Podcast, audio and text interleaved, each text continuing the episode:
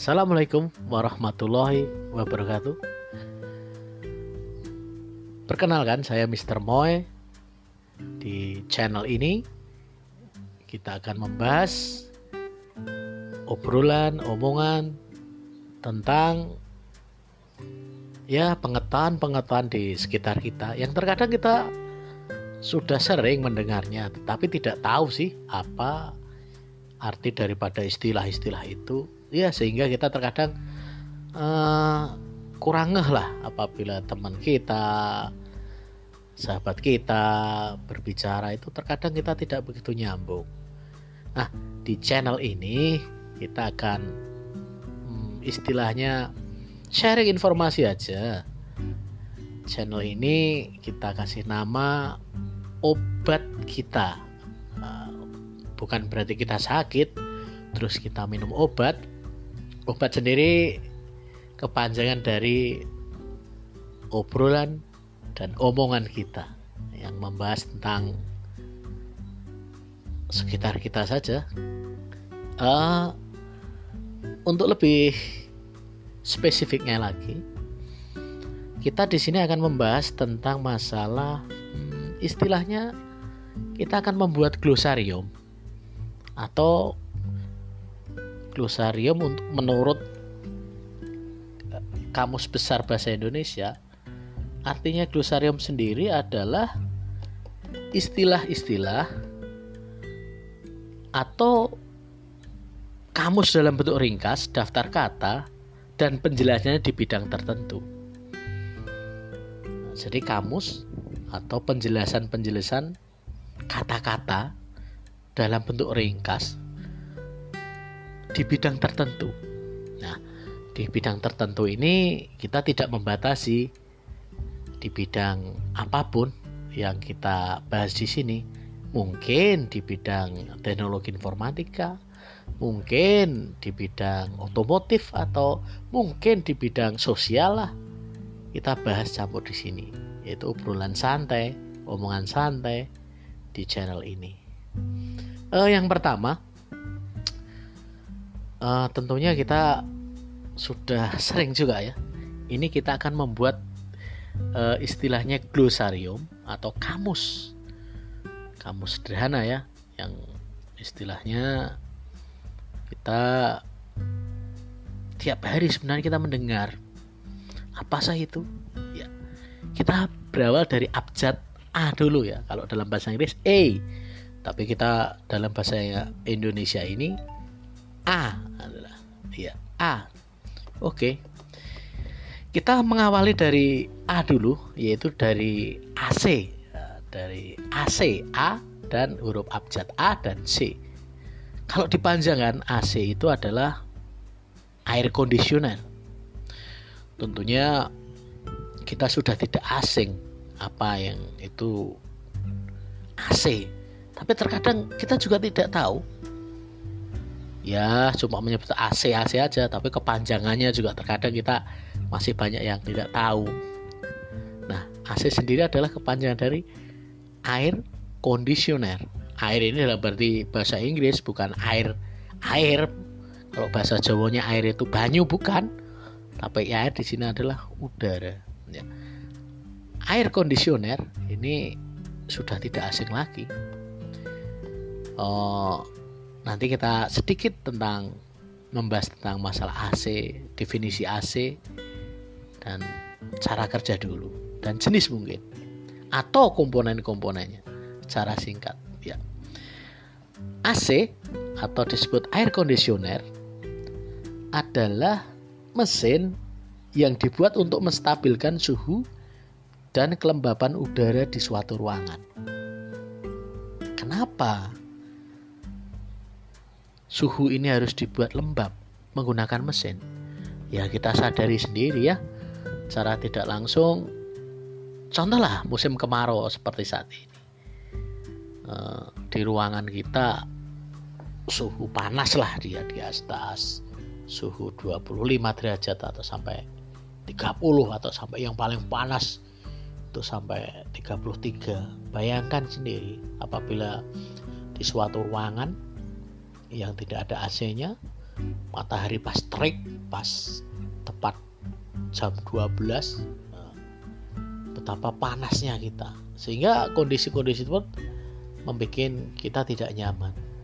Maka nah, oh iya terkadang ada ada kipas angin. Oke nanti kita bicara masalah uh, lebih lanjut lagi. Tapi kita topiknya adalah AC dulu AC adalah kepanjangan dari air conditioner di mana udara ini adalah dikondisikan sedemikian rupa sehingga udara itu membuat kita nyaman. Nah, dikondisikan bagaimana? Ya, udara sekitar kita dikondisikan agar udara itu lebih sejuk tentunya. Mungkin kalau suhunya dari awal belum ada AC itu sekitar 2 eh, taruhlah 28 sampai 33 lah paling panas. Kita turunkan menjadi 26 derajat Celcius atau sampai paling karena pingin dingin sampai 16 derajat Celcius. Nah, itulah salah satu fungsi daripada AC tersebut. Uh, eh, AC ini ya seperti yang saya omongkan tadi, fungsi daripada AC adalah untuk menstabilkan udara. Namanya juga air conditioner jadi fungsinya utama adalah mengkondisikan udara di sebuah ruangan agar terasa sejuk, nyaman, dan sehat. Nah, ada tiga hal yang dapat dikondisikan atau yang dapat diatur menggunakan alat AC ini. Ada tiga hal, yaitu satu, mengatur suhu udara. Nah, fungsi utama dari AC adalah mengatur daripada suhu udara sendiri.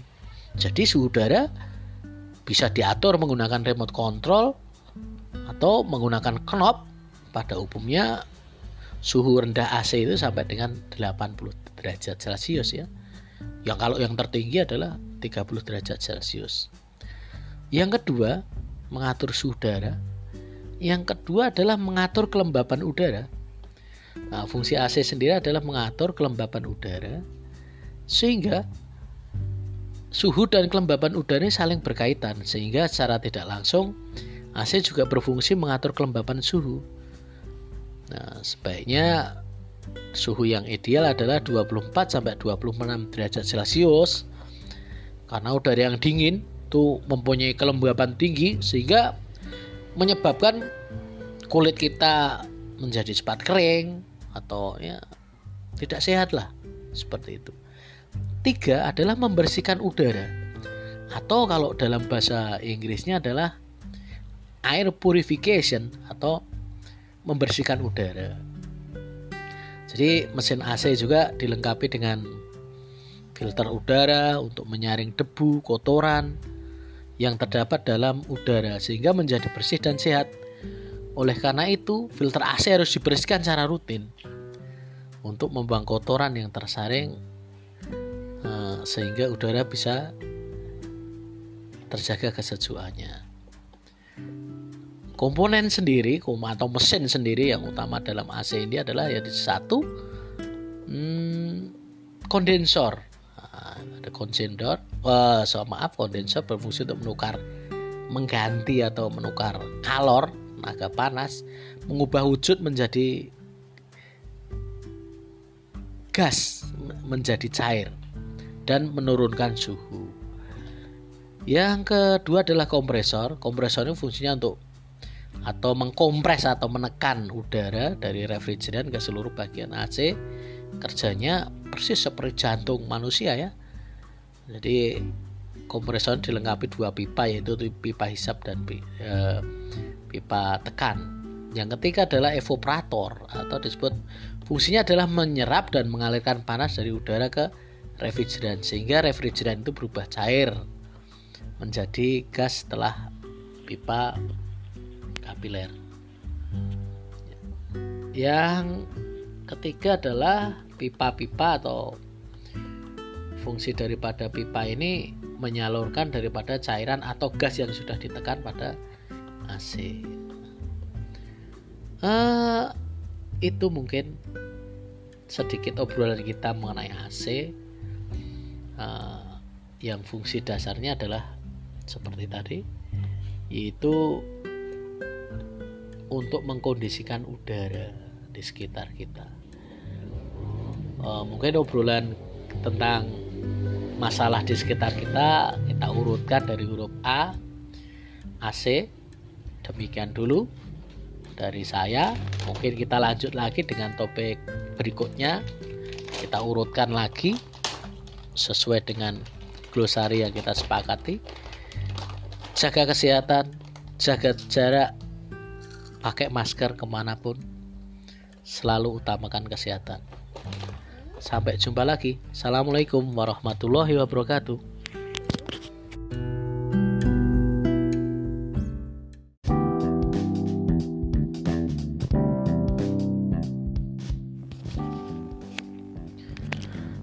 Assalamualaikum warahmatullahi wabarakatuh uh, Masih bersama Pak Moy dalam saluran obat, obrolan, dan omongan yang singkat dan mengasihkan ini. Kemarin kita sudah membahas tentang masalah AC, di mana kita sudah tahu apa itu arti, artinya AC, fungsi AC. Kali ini di segmen ini kita akan membahas tidak kalah populernya sebenarnya istilah-istilah ini sudah banyak sekali kita dengar. Tapi terkadang kita tidak tahu apa sih itu. Ya. Uh, kali ini kita akan membahas apa itu yang disebut ABS pada motor. Uh, kita akan membahas secara singkat fungsi ABS kelebihan dan kekurangannya apakah itu ABS pertanyaan ini sering dilontarkan oleh banyak orang saat ingin membeli motor eh fitur motor kamu sudah ada ABS-nya belum? Terkadang pertanyaan-pertanyaan seperti itu uh, sering kita dengar. Tapi terkadang sebagian besar juga tidak tahu apa sih ABS itu apa, fungsinya untuk apa. Terkadang kita melihat brosur ada motor ABS dan non ABS selisih harganya begitu banyak yang ABS itu harganya selisih 3 jutaan atau 2 juta dengan non ABS. Oke. Kita akan membahas masalah ABS. Nah, ABS sendiri saat ini sudah banyak disematkan pada motor-motor yang ABS sendiri sebagai fitur keselamatan standar. Fitur ini dulunya hanya bisa kita jumpai pada motor dengan kapasitas 250 cc ke atas. Namun sekarang sudah banyak dipakai motor bermesin kecil seperti Yamaha Max, Honda PCX, Honda CBR 150, Yamaha Aerox, Yamaha Frigo dan masih banyak lagi. Tentunya harga motor dengan fitur ABS ini lebih mahal dibandingkan yang non ABS. Ya karena disebabkan oleh Kecanggihan teknologi ABS sendiri yang disematkan pada motor, motor akan semakin aman dan nyaman tentunya. Nah, sebenarnya fitur ini juga harus dimiliki semua jenis motor, baik itu motor matic, sport hingga motor BB. Pasalnya, teknologi ABS ini akan mengurangi resiko kecelakaan yang disebabkan oleh pengereman yang kurang optimal. Oke, kita akan membahas apa sih itu ABS pada motor Jawabannya adalah ABS sendiri singkatan dari anti lock braking system. ABS sendiri singkatan dari anti lock braking system yang merupakan sebuah fitur keselamatan yang fungsinya adalah untuk mencegah roda mengunci saat mengerem mendadak sehingga mencegah motor tergelincir saat melewati jalanan licin maupun jalanan basah. Tuh jadi pengalaman Pak Mo sendiri yang tiap hari naik motor ya terkadang masuk eh, perkampungan jalan mulus kita naik motor dengan kecepatan sedang.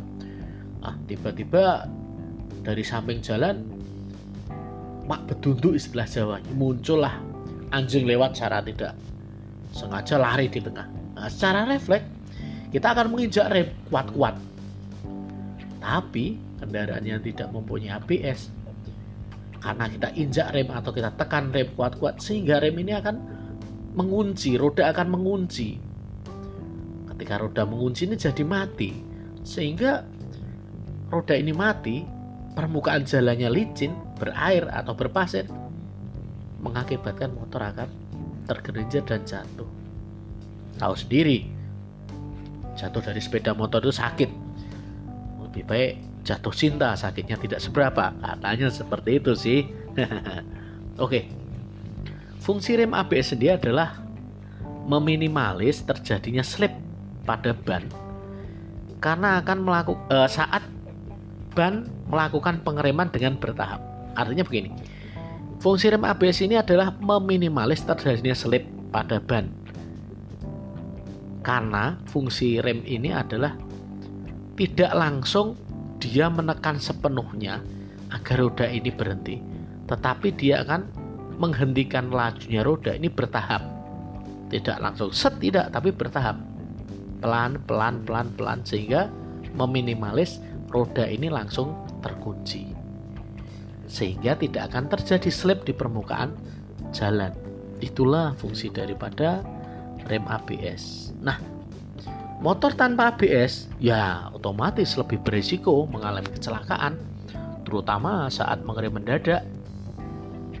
Ban yang mengunci ini bisa jadi pengemudi bisa terpelanting ke depan sehingga pengendara bisa jatuh dari motor. Ingat tadi, lebih baik jatuh cinta daripada jatuh dari motor kan seperti itu ya sehingga ya terkadang kita tidak apa-apa sih beli agak mahal sedikit tapi untuk mendapatkan teknologi keselamatan dalam pengendara ini lebih baik daripada yang tidak menggunakan fasilitas ABS. Nah, yang saya sebutkan tadi seperti itu. Nah, kita sekarang akan membahas tentunya ada kelebihan ada kekurangan oh iya, iya jelas itu jelas kelebihan dan kekurangan mari kita obrolan sedikit mengenai uh, kelebihan dan kekurangan sistem rem ABS ini. Nah kita ketahui bahwa rem ABS ini membuat motor terhindar dari tergelincir saat berada pada kondisi jalan yang licin. Motor tanpa ABS karena jalannya licin itu bisa berakibat fatal karena bisa terlihat meliuk-liuk atau coro jawane itu delosor seperti itu karena e, bannya sudah terkunci rapat permukaannya jalan licin. Nah, dapat disimpulkan bahwa teknologi ABS menjadikan pengereman lebih aman karena dapat mencegah penguncian roda dan seleban. Alhasil kita bisa berkendara cara cepat tanpa perlu takut mengerem mendadak. Nah, di balik kelebihan itu juga ada kekurangannya. Uh, salah satu kekurangannya daripada rem ABS adalah kurang optimal saat dipakai pada jalan kondisi yang tidak rata atau berkerikil. Nah, ini jadi tidak efektif ketika dia berkendara ngerem dalam keadaan jalan yang berkerikil itu itu yang kekurangan sedikit kekurangan daripada itu makanya untuk motor-motor jenis trail, KLX dan sebagainya jenis adventure itu remnya tidak diberi rem ABS, rem manual biasa. Itulah salah satu kelebihan dan kekurangan rem ABS pada motor. Nah, sekarang Anda semua sudah tahu apa itu teknologi ABS dan rem ABS. Seperti itu, eh, semoga bisa bermanfaat Nah, nanti kita akan bertemu di channel obat dalam segmen teknologi di sekitar kita. Oke, selamat beraktivitas. Assalamualaikum warahmatullahi wabarakatuh. Tetap bersama Pak Moy di obat. Dah. thank you